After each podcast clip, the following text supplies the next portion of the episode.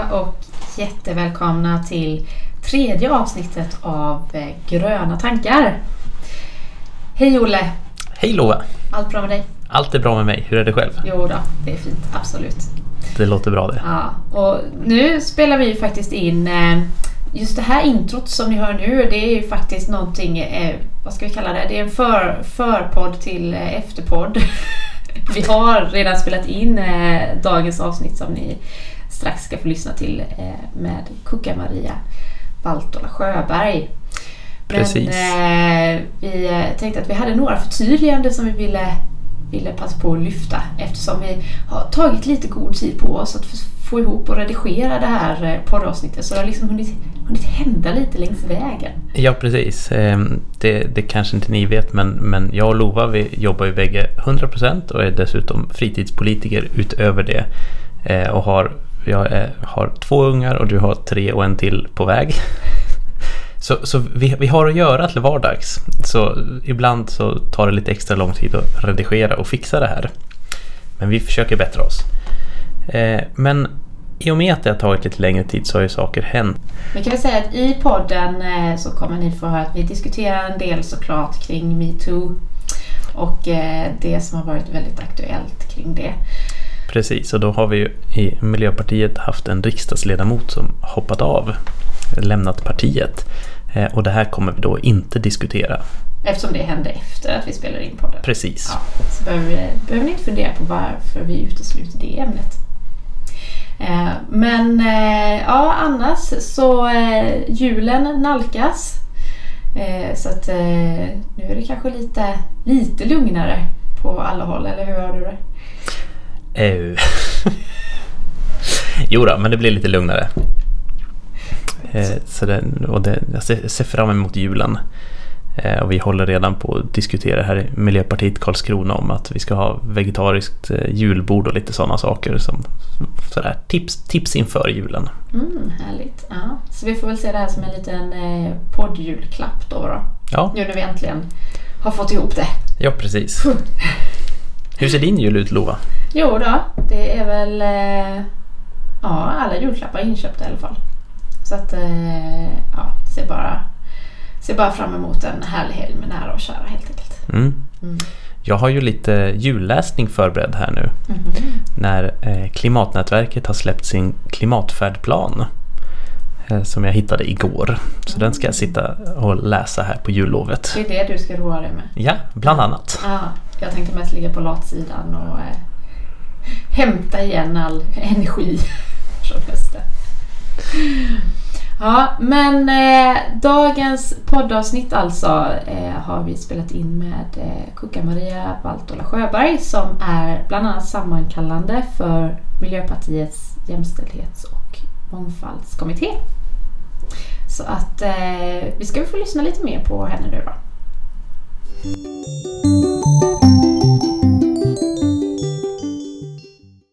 Vad bra, men då säger vi jättevälkommen till Kucka-Maria Valtola Sjöberg. Tack för att jag så, får vara med. Ja, så härligt. Vi har med dig eh, via Skype idag. Så att eh, vi kan i alla fall se och höra varandra. Även om, inte, även om du inte är på plats.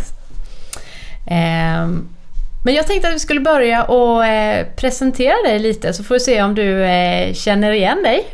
Toppen, kör! Bra.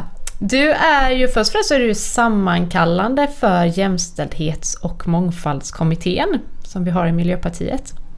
Och tidigare så var du ledamot i jämställdhetsutskottet, stämmer det?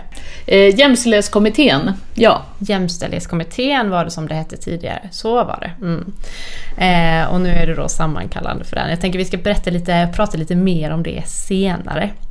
Eh, men du har ju också eh, varit eh, kommunalråd i Gnesta och även förste vice ordförande i kommunstyrelsen där med ansvar för miljö och hållbarhet och jämställdhet. Absolut, det stämmer.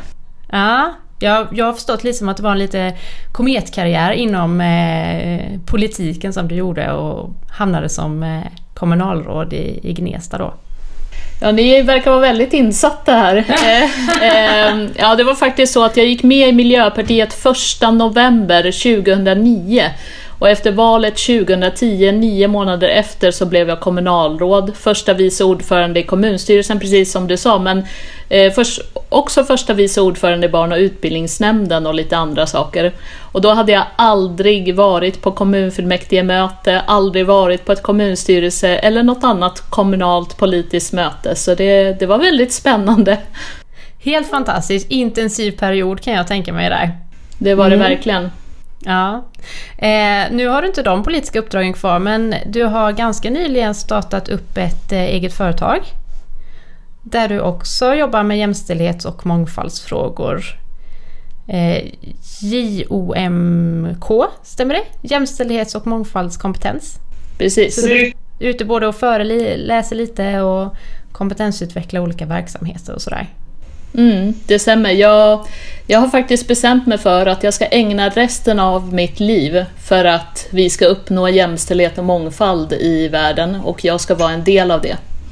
Då Wow. hoppas jag att du bara behöver jobba en tio år till och att du är färdig sen. Precis, och då kan, jag, då kan jag uppnå alla andra mål som jag har i livet efter det. Ja just det, det är bra så med pla- livsplanen där. Ja, men eh, jag tänkte också säga det att eh, det är ju Jämställdhets och mångfaldskommittén som har beviljat oss lite projektmedel för att vi ska kunna genomföra den här podden. Och där har ju du varit en del i det. Så att eh, det är lite extra kul att få ha med dig idag och få prata lite, lite mer om vad ni gör och sådär. Ja, bra röstat där Koka-Maria. Nej men det var viktigt för oss också för att vi, vi måste ju sprida vårt arbete och det arbete som görs i partiet och en podd kan ju vara ett sätt. Vi hoppas på det. Vi vet ju att vi har några lyssnare med oss i alla Ja, i fall, alla så det är bra. minst 30. Mm, härligt. Ja, men jag tänkte lite om vi, om vi börjar och prata lite om själva kommittén. Kan inte du berätta lite vad ert arbete handlar om och eh, lite hur, hur det ser ut? Hur är, hur är det upplagt? Mm. Eh, först och främst så är det så att vi jobbar på uppdrag av partistyrelsen. Och partistyrelsen har beslutat att vi ska ha tre syften. Och det är att utbilda partiet i jämställdhet och mångfald. Vi ska också se till att våra listor i valen och våra förtroendevalda är så jämställda som möjligt och har så stor representation som möjligt när det gäller mångfald också. Och sen det tredje syftet är att vi ska sprida den politik som vi bedriver inom jämställdhet och mångfald. Men också att vi ska politikutveckla eh, och marknadsföra det som vi redan idag gör. Eh, så det är liksom våra syften och vad vi jobbar för. Vi är ju som andra partiers motsvarighet till kvinnoförbund eller kvinnoorganisation, men jag brukar säga män bättre, eh, tycker jag då. För att vi jobbar ju väldigt brett, intersektionellt, där vi verkligen får med alla perspektiv. Eh, Vi är ju 16 personer som sitter i kommittén och det är fördelat på eh, tre personer per utskott. Vi har fem utskott. Eh, och jag som är den 16 personen då som är sammankallande för hela kommittén. Kan du inte bara berätta lite kort, vilka fem utskott är det? Så har vi koll på det också. Ja, vi har ett åldersutskott, ett tillgänglighetsutskott, ett för eh, tillgänglighet för funktionsnedsättningar alltså, ett som handlar om utländsk bakgrund och ett som handlar om HBTQ. Och för den som är väldigt duktig på diskrimineringsfrågor, den kanske vet att det finns sju diskrimineringsgrunder och att min kommitté har fem utskott och då tänker den aha, men vad har den gjort med de andra diskrimineringsgrunderna? Och då har vi gjort så att några utskott har ansvar för flera diskrimineringsgrunder.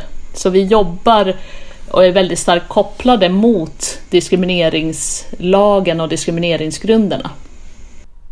Vad bra, så det, ni har tänkt hela vägen, det är liksom intäkt. Ja, det är bra. Ja. Men de här syftena som ni jobbar mot, vad har ni för olika metoder för att nå dit? Hur, hur jobbar ni? Ja, när det gäller utbildningar och lyfta kunskapsnivån i partiet så har vi haft två jättestora projekt i partiet. Ett som eh, våra jämställdhets och mångfaldsambassadörer har fått gå som heter Starkare tillsammans som handlar om antirasism. Och sen har vi ett som pågår just nu som handlar om feminism och mångfald där vi utbildar partiet i vad de frågorna är för någonting men också vad kan vi göra i partiet. Eh, men vi gör jättemånga olika insatser. Vi har tagit fram en eh, film om feministiskt valberedande för att hjälpa valberedningar. Vi har tagit fram checklistor för valberedningar, hur man kan jobba för att få en bra representation. Vi har också andra checklistor som är stöd till lokalavdelningar, distrikt men också till riksavdelningen angående hur ska vi jobba för att fler ska vilja och kunna vara engagerade. Mm. Och ni, ni har webbutbildningar också, eller hur? Ja, den som är webbutbildning det är den här om feministiskt valberedande. Som vi, eh, den kan du titta på som valberedare var du än befinner dig i landet. Och det är en film av flera som ska hjälpa och stötta valberedningar. Det är superbra. Och den här feministiska utbildningen som är på G nu, där har ni olika representanter som är, åker runt i landet, eller hur? Och träffar olika lokalavdelningar och är på plats och, och kan diskutera och prata och föreläsa om de här frågorna. Ja, vi är jättestolta över den utbildningen. Vi har ju tagit fram den i samarbete med partistyrelsen och särskilt med våra talespersoner i de här frågorna. Så att flera av de som utbildar är talespersoner i partiet i, inom liksom feminism och mångfald. Men också kommitténs ledamöter är de som åker runt och utbildar. Super. Vi hoppas ju på att få hit utbildningen också så att vi kan lokalt jobba med det mer i Blekinge. Ehm, men jag tänker, är det något annat som ni har på G sådär framåt nu inför valet? För det är klart att då, är, då finns det mycket att jobba med. Ja, vi är jättepeppade inför valåret. Vi satt redan innan sommaren faktiskt och har jobbat med en behovsanalys för att förbereda oss inför valet. Så vi är så här supertaggade och har massor med planer. Bland annat är det så här att eh, vi kommer att anställa en extra person i valet. Vi har en anställd normalt sett, men nu kommer vi anställa en till på 50 procent. Vi kommer att ta fram tillsammans med valledningen i partiet vad vi i jämställdhets och mångfaldskommittén kan bidra med. Men alla våra insatser under nästa år kommer handla om att stötta partiet i valet. Eh, det kan handla om 8 mars till exempel, där vi vill göra en lite större grej än vad vi gör varje år. Det kan handla om kongressen där vi kommer att lägga extra krut på att utbilda alla som är där kring våra frågor. Eh, men också till exempel att vi vill vara på politikerveckan i Järva, som är en ny grej som vi inte har gjort tidigare. Eh, vi vill också hjälpa till att allt material partiet tar fram eh, speglar jämställdhet och mångfald så långt som möjligt. Så vi är en del av valrörelsen och är verkligen peppade och taggade och förberedda. Ja, det låter ju super. Ja. Härligt. Jag tänkte 8 mars, om det är någon som nu har missat det så är det ju internationella kvinnodagen då. Du, du tittar på mig men jag visste det. Jag vet när internationella mansdagen är också. Ja. Jag, jag, jag tänkte...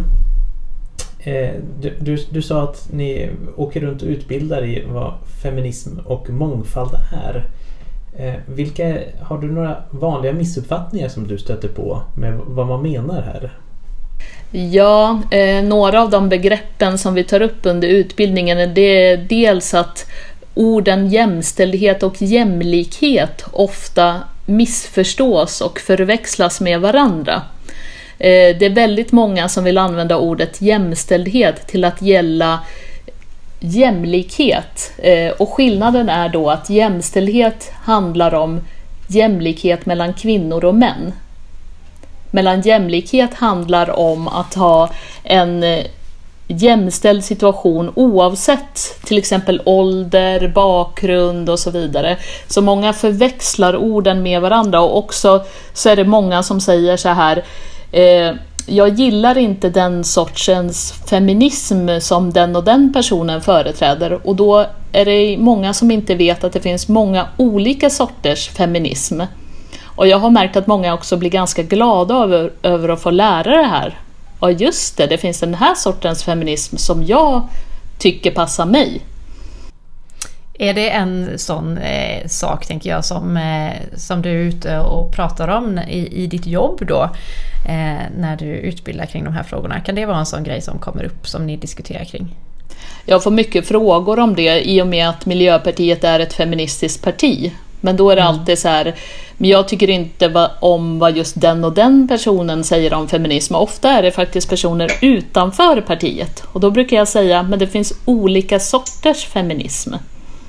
Mm. Vilken, eh, vilken sorts feminism står Miljöpartiet för? Men vi står ju för att alla män och kvinnor är jämlika och att vi ska ha lika möjligheter och rättigheter. Och också att det finns inte så stora skillnader mellan män och kvinnor eh, utan att vi är likvärdiga eh, och eh, lika varandra. Medan det finns annan sorts feminist där, där man menar att kvinnor och män skulle vara väldigt olika varandra men att man fortfarande ska ha lika rättigheter. Mm. Finns det något sånt bra begrepp för, för vår typ av feminism? Typ maskrosfeminism eller? Det är ett jättebra ord. Det, det, det där var ett bra tips tänker jag. Vi kanske borde kalla oss för maskrosfeministerna. Ja, det var här ni hörde det först. jättebra, jättebra förslag. Eh, jag tänker att, eh, som du beskriver, vi är ju ett feministiskt parti och vi jobbar ju mycket mot de här frågorna. Det hörs ju inte minst utifrån vad du beskriver kring vad Jämställdhets och mångfaldskommittén gör. Men är det något område kring det här som du tänker att här skulle vi som parti behöva bli lite bättre? Och vad skulle det vara? Vad behöver vi jobba lite mer på? Jag tittar jättemycket på strukturerna i partiet och hur vi jobbar generellt med över hela politikfältet, liksom i alla frågor. Och där kan jag känna lite grann att jag kan sakna den här breda rörelsen i partiet där alla verkligen skriver under på att vi är ett feministiskt parti och att jämställdhetsfrågor och mångfaldsfrågor går in i allt. Om vi pratar om ekonomi så finns det, som är det viktigt om du är engagerad i ekonomiska gröna frågor, att du samtidigt förstår att du måste tänka på jämställdhet och mångfald då. Eller om du tänker på miljö och klimat. Eller om du tänker på skola och så vidare. Och jag kan ibland sakna den här förståelsen för att jämställdhet och mångfald ingår i precis alla politikområden i livet. Precis allt. Ja, eh, ja men det, det, tycker jag är bra. Jag, jag, fick själv någon liten ögonöppnare när, när jag hörde talas om eh, vad kallar man det? Feministisk snöskottning. Eh, snöplogning, ja precis. Ja, snö, snöplogning. Att, ja. att man plogar liksom trottoarer och cykelvägar först eftersom det, det är framförallt kvinnor som använder dem. Eh, och sen, att man sen plogar undan för, för bilarna. Som både är då liksom klimatinsats och jämställdhetsinsats. Den insatsen påbörjades ju också för att eh, det fanns eh, landsting som tittade på var får vi mest skador? Är det så att det är mest bilister som blir skadade när det blir halt ute eller vad händer? Och då upptäckte de att det var kvinnor som gick med barnvagn, för oftast så var det kvinnorna som var ute och gick i snön, eller kvinnor med rullator som ramlar och eh, slår sig och gör illa handleden. Så det här var en insats, inte bara så här, åh det ska vara jämställt för att kvinnor ska få det bättre. Nej, det var så här att kvinnor hade det sämre från början och skadade sig väldigt mycket. Och då började eh, det här med feministisk snöplogning på olika ställen. Det är jätteintressant. Jag tänker att det är inte det första man tänker på när man eh, pratar pratar jämställdhetsarbete. arbete. Eh, men det är ju en viktig poäng att det genomsyrar så mycket. Lova, det här det är jättekul att prata med våra företrädare. Jag lär mig jättemycket. Absolut. Ja, jag tänker lite någonting som är väldigt högaktuellt nu när vi är inne på hur vi jobbar i partiet och sådär. Någonting som ju ingen har missat. Eh, metoo-kampanjen som har florerat ganska mycket eh, senaste veckorna. Och nu förra veckan så hade vi ju ett uppror i maktens korridorer där många företrädare från i princip alla partier gick ut och eh, eh, i ett gemensamt upprop just kring, eh, kring det politiska och vad som händer där. Eh, och eh, det kom ju fram exempel från alla partier i princip. Och eh, då funderar jag lite hur jobbar vi med de här frågorna i vårt eget parti? Vad gör vi för att motverka detta? Vad gör vi för att eh, förebygga och eh, vad gör vi när, när det händer saker? Vet du något om det? Absolut. Eh, det, först måste jag säga att jag har blivit väldigt peppad av att proppen äntligen har gått ur. Det är som en? Det är Ja. som en vulkan som har väntat på, på ett utbrott och så plötsligt kommer det. Och för mig som jobbar varje dag med jämställdhet och mångfald så känner jag att du jobbar och jobbar och jobbar och andra undrar hela tiden varför tjatar du om det här? Och så plötsligt så kommer sanningen fram. Och då känns det som en stor lättnad. Och jag vet att det är inte bara jag som känner det, utan väldigt många andra. Eh, så för mig blir det lite så här att jag känner att min kommitté har jobbat med det här länge. Redan förra året, 2016, så presenterade vi vår kartläggning om vem representerar Miljöpartiet. I den så hade vi gjort en enkätundersökning för kommunfullmäktigeledamöter enbart i Miljöpartiet där nästan 700 ledamöter svarade på frågor bland annat om de hade blivit utsatt för hot, hat och trakasserier. Och då var det 30% av de som svarade som sa att de hade blivit utsatta. Av de 30 procenten så är det en femtedel som har blivit utsatta inifrån partiet. Och det här var någonting som vi tog fram redan förra året. Jag vill vara tydlig med att vi nämnde inte särskilt sexuella trakasserier. Och det är en lärdom som jag kommer ta med till nästa kartläggning, att det kan vara viktigt att specificera vad de här hoten, haten och trakasserierna kan vara för någonting. Jag tänker att det är väldigt, väldigt bra för det som jag upplever som har kommit fram, det är många som har skrivit att jag har inte tänkt att det här är något som jag har varit med om. Men när jag hör alla andras berättelser så förstår jag att ja, det, jag, jag har upplevt det själv och det är många som har beskrivit det så. Så det är väl en jättebra tanke att faktiskt specificera lite bättre att ja, det kan även innefatta sexuella trakasserier till exempel. Precis, och jag tror också att vi måste beskriva lite tydligare vad hot, hat och trakasserier kan vara. Eh, för att det är många som har frågat mig efteråt att kan det här vara ett hot? Är det här trakasserier och så vidare? Men jag tänker att i den kartläggningen vi gjorde också så hade vi konkreta förslag på åtgärder redan då, 2016.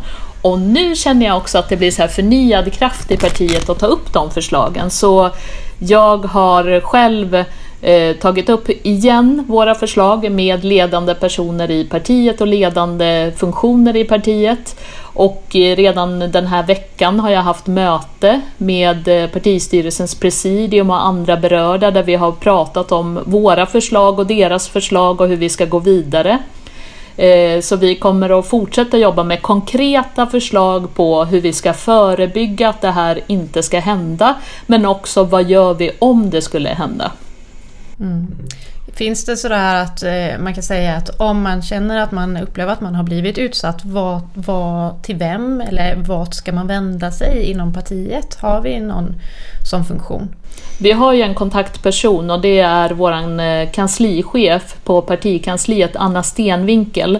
Och det är henne du ska mejla om du har blivit utsatt eller blir utsatt eh, för att rapportera eh, det här. Och sen om det är så att du är en person som har idéer eller tänker det här borde vi göra, då ska du kontakta mig. Jättebra, då uppmanar vi folk att göra det helt Ja, enkelt. jo, om man har några bra tankar och idéer. Mm. Eh, Jag, jag, jag tänkte bara, du beskrev att ni har plockat upp de här förslagen på nytt nu. Eh, var det några, när, ni kom med den här rapporten 2016, var det några av förslagen som implementerades då? Eller har de liksom varit vilande sedan dess? Det är ju väldigt många av åtgärderna som vi själva i JMK styr över, de har ju vi jobbat med och liksom eh, infört och försökt att göra. Men många av de åtgärderna som, där vi föreslår att andra ska göra någonting, där har det liksom tagit mer tid och jag tror också att det är naturligt att det tar tid att liksom reflektera, reflektera över och ta in eh, hur viktig en fråga är. Och nu känner jag att metoo lyfter upp det här behovet av mm. att vi måste verkligen ha det här. Jag vill också säga att i kartläggningen finns det förslag för lokal och distriktsnivå. Så det är inte enbart så att alla ska sitta och vänta på att Empirix ska göra någonting, utan titta gärna på kartläggningen vad ni kan göra själva utifrån den. Har du något sånt där som du kommer ihåg som du kan skicka med att men det här är något bra att jobba med på lokal nivå? Ja, bland annat så föreslår vi att det ska finnas en stödgrupp för personer som är utsatta för hot, hat och trakasserier. Och det här ska vara en grupp som då, eh, tycker jag, ska ha särskild kunskap om till exempel sexuella trakasserier eller mobbningar och liknande. Eh, så jag tycker att man ska välja ett par personer till en grupp som kan få utbilda sig i hur du stöttar eh, personer som är utsatta. Oftast så finns det krisgrupper eh, men krisgrupper är ju inte riktigt exakt samma sak som vi menar i JMK, utan vi menar personer som kan stötta andra som blir utsatta över lite längre tid. Just det. Ja, men det är väl bra tips. Det är väl kanske någonting som du och jag kan eh, kika på Olle och ta mm. med oss Absolut. vidare. Ja, vi, vi, har ju säkerhetsansvariga här i, i Blekinge och Karlskrona som, som man ska kontakta om man är trakasserad eller råkar ut för hot. Men, men det kan nog vara bra att se över och bredda det uppdraget lite grann. Ja, titta mer och lokalt inom partiet. Man kanske behöver en person eller två till. Mm. Mm. Toppen, bra! Eh, jag, jag, tänkte vi skulle byta, inte byta ämne men byta vinkel i alla fall. Eh, jo, eh, det, just nu håller ju de här riksdagslistorna och landstingslistorna på att sättas runt om i landet. Eh, vi ligger lite efter här i Blekinge. Men vi är på G. Vi är på G. Ja. Ehm, jo, och då, då, läste jag på Facebook här att Stockholms valkrets, de har satt riksdagslistorna. Ehm, och då, då, är fem av de sex toppnamnen kvinnor och det ser likadant ut på deras eh, landstingslista. Och jag tänkte höra lite med dig om, om det här är bra och varför eller varför inte då? Först ska jag säga att jag inte kan svara på liksom enskilda exempel för jag har inte sett Stockholms vad deras slutgiltiga förslag kommer bli. Det kan... Mm, jag, jag, kan inte heller vilka personer det är utan liksom bara, bara som, som princip då att jag, jag, jag, är övertygad om att alla är jättekompetenta. Det, det är inte så Nej. Eh, jag tänkte mest på att ibland är det ju så att eh, resultat efter medlemsomröstning kan bli så att fem eller sex kvinnor är på topp, men sen kan det ändå bli så att det blir någon sorts kvotering. Och det kan jag inte svara på om de kommer göra det där. Men eh, däremot så vill jag prata lite generellt om hur ska vi tänka när det gäller jämställdhet och mångfald på våra listor? Och eh, det är en väldigt komplex fråga, för Ofta är det personer som vill säga till mig att det är jätteenkelt. Det är bara att göra varannan kvinna, varannan man på listan och då är det jämställt. Men då tänker jag att det är väldigt många faktorer som den personen som säger så inte har tänkt på. En av dem är att våra kartläggningar efter varje val visar att kvinnor är de som slutar sina uppdrag i förtid. Och har vi då varvade listor så innebär det till slut att vi kommer att ha väldigt många män kvar i slutet. Eh, jag har också sett eh, exempel från kommuner där, där det har varit varvade listor men just nu sitter det kanske fem eller sex män och en kvinna eh, för att kvinnorna har slutat. Och är det så, precis som vi pratade om nyss, om metoo, att du är väldigt utsatt i samhället, till exempel för sexuella trakasserier, hot, hat. Du kanske har en situation hemma där du tar huvudansvaret för barn och familj. Så är det väldigt lätt hänt att du slutar. Och om du samtidigt inte känner att du får stöd och förtroende från dina partivänner, vilket vi också kan se i vår kartläggning, så är det så att det är lite svårt för kvinnor ibland att orka och kunna behålla sina uppdrag. Så för den som säger att allting är enkelt och att det är bara att göra 50% och varva och då är allting guld och gröna skogar, den har missat lite känner jag. Men sen är det också viktigt att tänka på att i, i tusentals år har män haft majoriteten av makten och fortfarande idag är det så att män har majoriteten av makten och också de tyngsta posterna. Vi har till exempel inte haft en kvinna som statsminister än. Och då tänker jag att vi ska fundera på om det gör väldigt stor skada att Miljöpartiet till ett val hade en övervikt av kvinnor. Jag tänker att i framtiden när samhället är jämställt och vi har en mångfald, då skulle jag bli, liksom, tycka att det var fel att vi hade en majoritet av något deras kön. Men just nu kan jag säga att samhället är inte jämställt och att det kanske kan vara vår roll i Miljöpartiet också. Jag vet inte, det tål att funderas på. Det är inte enkla frågor, men jag tycker inte automatiskt att det är ett problem om det skulle vara flest kvinnor på en lista på topppositionerna. Så lite sådär vårt sätt att visa vägen framåt. Hur når vi en högre kvinnlig representation inom politiken överhuvudtaget? Det är ju så att ibland så är det ju så i Miljöpartiet att vi behöver gå före. Men vi behöver också tänka på att inte gå för mycket före så vi lämnar alla bakom oss. Eh, så det är en liksom delikat uppgift att försöka inspirera och förändra samhället men att göra det på ett sätt där alla ändå kommer med. Jag tänker också det du beskrev där i början att det oftast är många kvinnor som lämnar sina uppdrag längs under mandatperiodens tid. Eh, och det är också strukturer att jobba med. Eh, och ja, att det ska finnas stöd för, för det i partiet. Hur ser det ut? Vad behöver vi lägga fokus på där från Miljöpartiets håll för att stötta de kvinnor som, eh, som har uppdrag idag? Ja, från eh, JMKs sida så gjorde vi så att eh, eftersom vi såg i vår kartläggning att det är kvinnor som slutar, men vi kunde också se vilka kvinnor det är som inte ens tar eller får några uppdrag idag, så gjorde vi så att vi startade ett mentorskapsprogram. Eh, och där valde vi de grupper av kvinnor som just inte är representerade i Miljöpartiet lika mycket. Och det är unga kvinnor under 30, det är äldre kvinnor över 65, det är kvinnor med funktionsnedsättningar och kvinnor med utländsk bakgrund.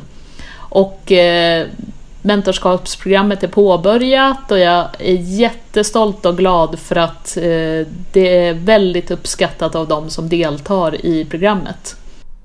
Det blir jättespännande att följa också om det ger någon effekt här nu då till valet och under nästa mandatperiod. Det får vi, får vi hoppas. Hur länge pågår det här mentorskapsprogrammet? Eh, det håller på under ett år och syftet är just att stärka de här kvinnorna i att kunna och våga ta uppdrag. Så det innehåller både såna här peppande eh, inslag men det innehåller också utbildningar kring hur du talar inför en grupp och vad är ledarskap för någonting och liknande. Vad härligt. Ja, det låter Det är synd att man har fyllt 30 alltså. Ja. Ja men super, jag, jag, känner att vi har fått med oss jättemycket och vi har fått en lite bredare bild av hur ni jobbar i JMK, alltså Jämställdhets och mångfaldskommittén, eh, som ju genomsyrar mycket, mycket av jämställdhetsarbetet inom partiet också. Eh, har du något avslutande sådär som du ville skicka med oss? Nej, men jag vill bara skicka med alla som lyssnar att jag hoppas att ni följer JMKs arbete och intresserar er för de utbildningar och det material som vi tar fram. Eh, det är förebyggande och ofta är det så här att när det kommer upp kriser eller situationer som till exempel nu med metoo så är det så att vi i JMK redan har jobbat i många år för att försöka förebygga. Så om ni vill vara till exempel en lokalavdelning eller ett distrikt som är på tårna så tipsar jag om att följa oss i JMK och ta del av vårt material. Och vi har en Facebook-sida och vi skickar ofta ut material också via organisationsnytt eller till distriktsordföranden via våra jämställdhets och mångfaldsambassadörer, så ta hjälp av dem och hör av er till oss om det är någonting specifikt ni önskar att vi ska göra. Jättebra medskick där tycker jag. jag. Jag kan ju tillägga att, att Coca Maria är ju väldigt tillgänglig. I alla fall när jag har försökt, när jag har ringt dig och mejlat dig så får jag svar väldigt snabbt. Eh, jag eftersträvar verkligen att eh, svara så fort jag kan, så hör gärna av er så gör jag mitt bästa. Suveränt. Vad bra! Jo. Tack snälla för att vi fick låna dig här eh, en liten stund och prata lite med dig. Det är jätteviktigt. Tack för att jag fick vara med. Ja, men det är självklart.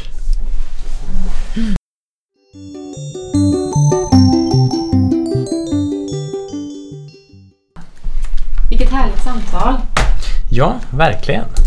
Det var ju kul den här gången. eh, Vi körde via Skype den här gången men vi kunde ju faktiskt eh, se henne. Det kunde vi inte första gången. Det är väldigt mycket lättare att föra ett samtal om man åtminstone kan se den man pratar med. Ja, verkligen. In, inte för att ni såg vare sig henne eller oss, men, men, men vi hade det trevligt här. Ja, verkligen. Det blir spännande att se hur, eh, hur, hur ljudet blir. Det är alltid lika spännande när man försöker mixa ihop liksom, flera Ja. olika. Vi, vi får väl be om ursäkt på förhand. Ja, precis. Och säga, har ni jättebra tekniktips, mejla oss. Ja, just det. Det tar vi väldigt gärna emot. Ja, både jag och Lova jobbar till vardags mycket med digitalisering och teknik och sånt, men det, det är ändå svårt.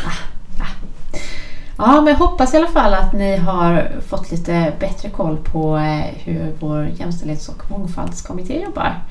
Jag tänker jag kan ju repetera så att eh, vi alla får koll på alla de här utskotten som ingår. Det är ju utöver det feministiska utskottet så har vi ju även antirasism, hbtq, tillgänglighet och ålder. Så att det är de som är inkluderade där. Ja, det är bra grejer. Mm, något annat som du eh, tar med dig från de här, från det här samtalet? Ja, nej, men en hel del faktiskt. Ehm, först och främst tycker jag det är spännande här nu i och med eh, metoo och de här åtgärderna som eh, Jämställdhets och mångfaldskommittén eh, har föreslagit. Att se vad som kommer hända med dem. Eh, och det, mitt, intryck av KOKA var ju att det, de har liksom börjat rulla igång arbetet igen eh, stort eh, liksom genom hela partiet. Och det ska bli spännande att se vad som har hänt om ett halvår, ett år ungefär. Mm, jag håller med, absolut. I kölvattnet eller vad ska vi kalla det? Ja, precis. Mm. Det här ytterligare fokuset. Mm. Sen tycker jag det är ehm, jag- tycker det är spännande med den här helhetsvyn på jämställdhet som Koka har då. Ehm, för, oss som känner Koka Maria kallar vi henne för Koka. Ehm, just att det, liksom, det genomsyrar allt. Att, och det, det är väldigt likt eh, till exempel klimatfrågan här i, i Miljöpartiet. Att eh, den genomsyrar ju allt. Eh, och det gör även jämställdheten.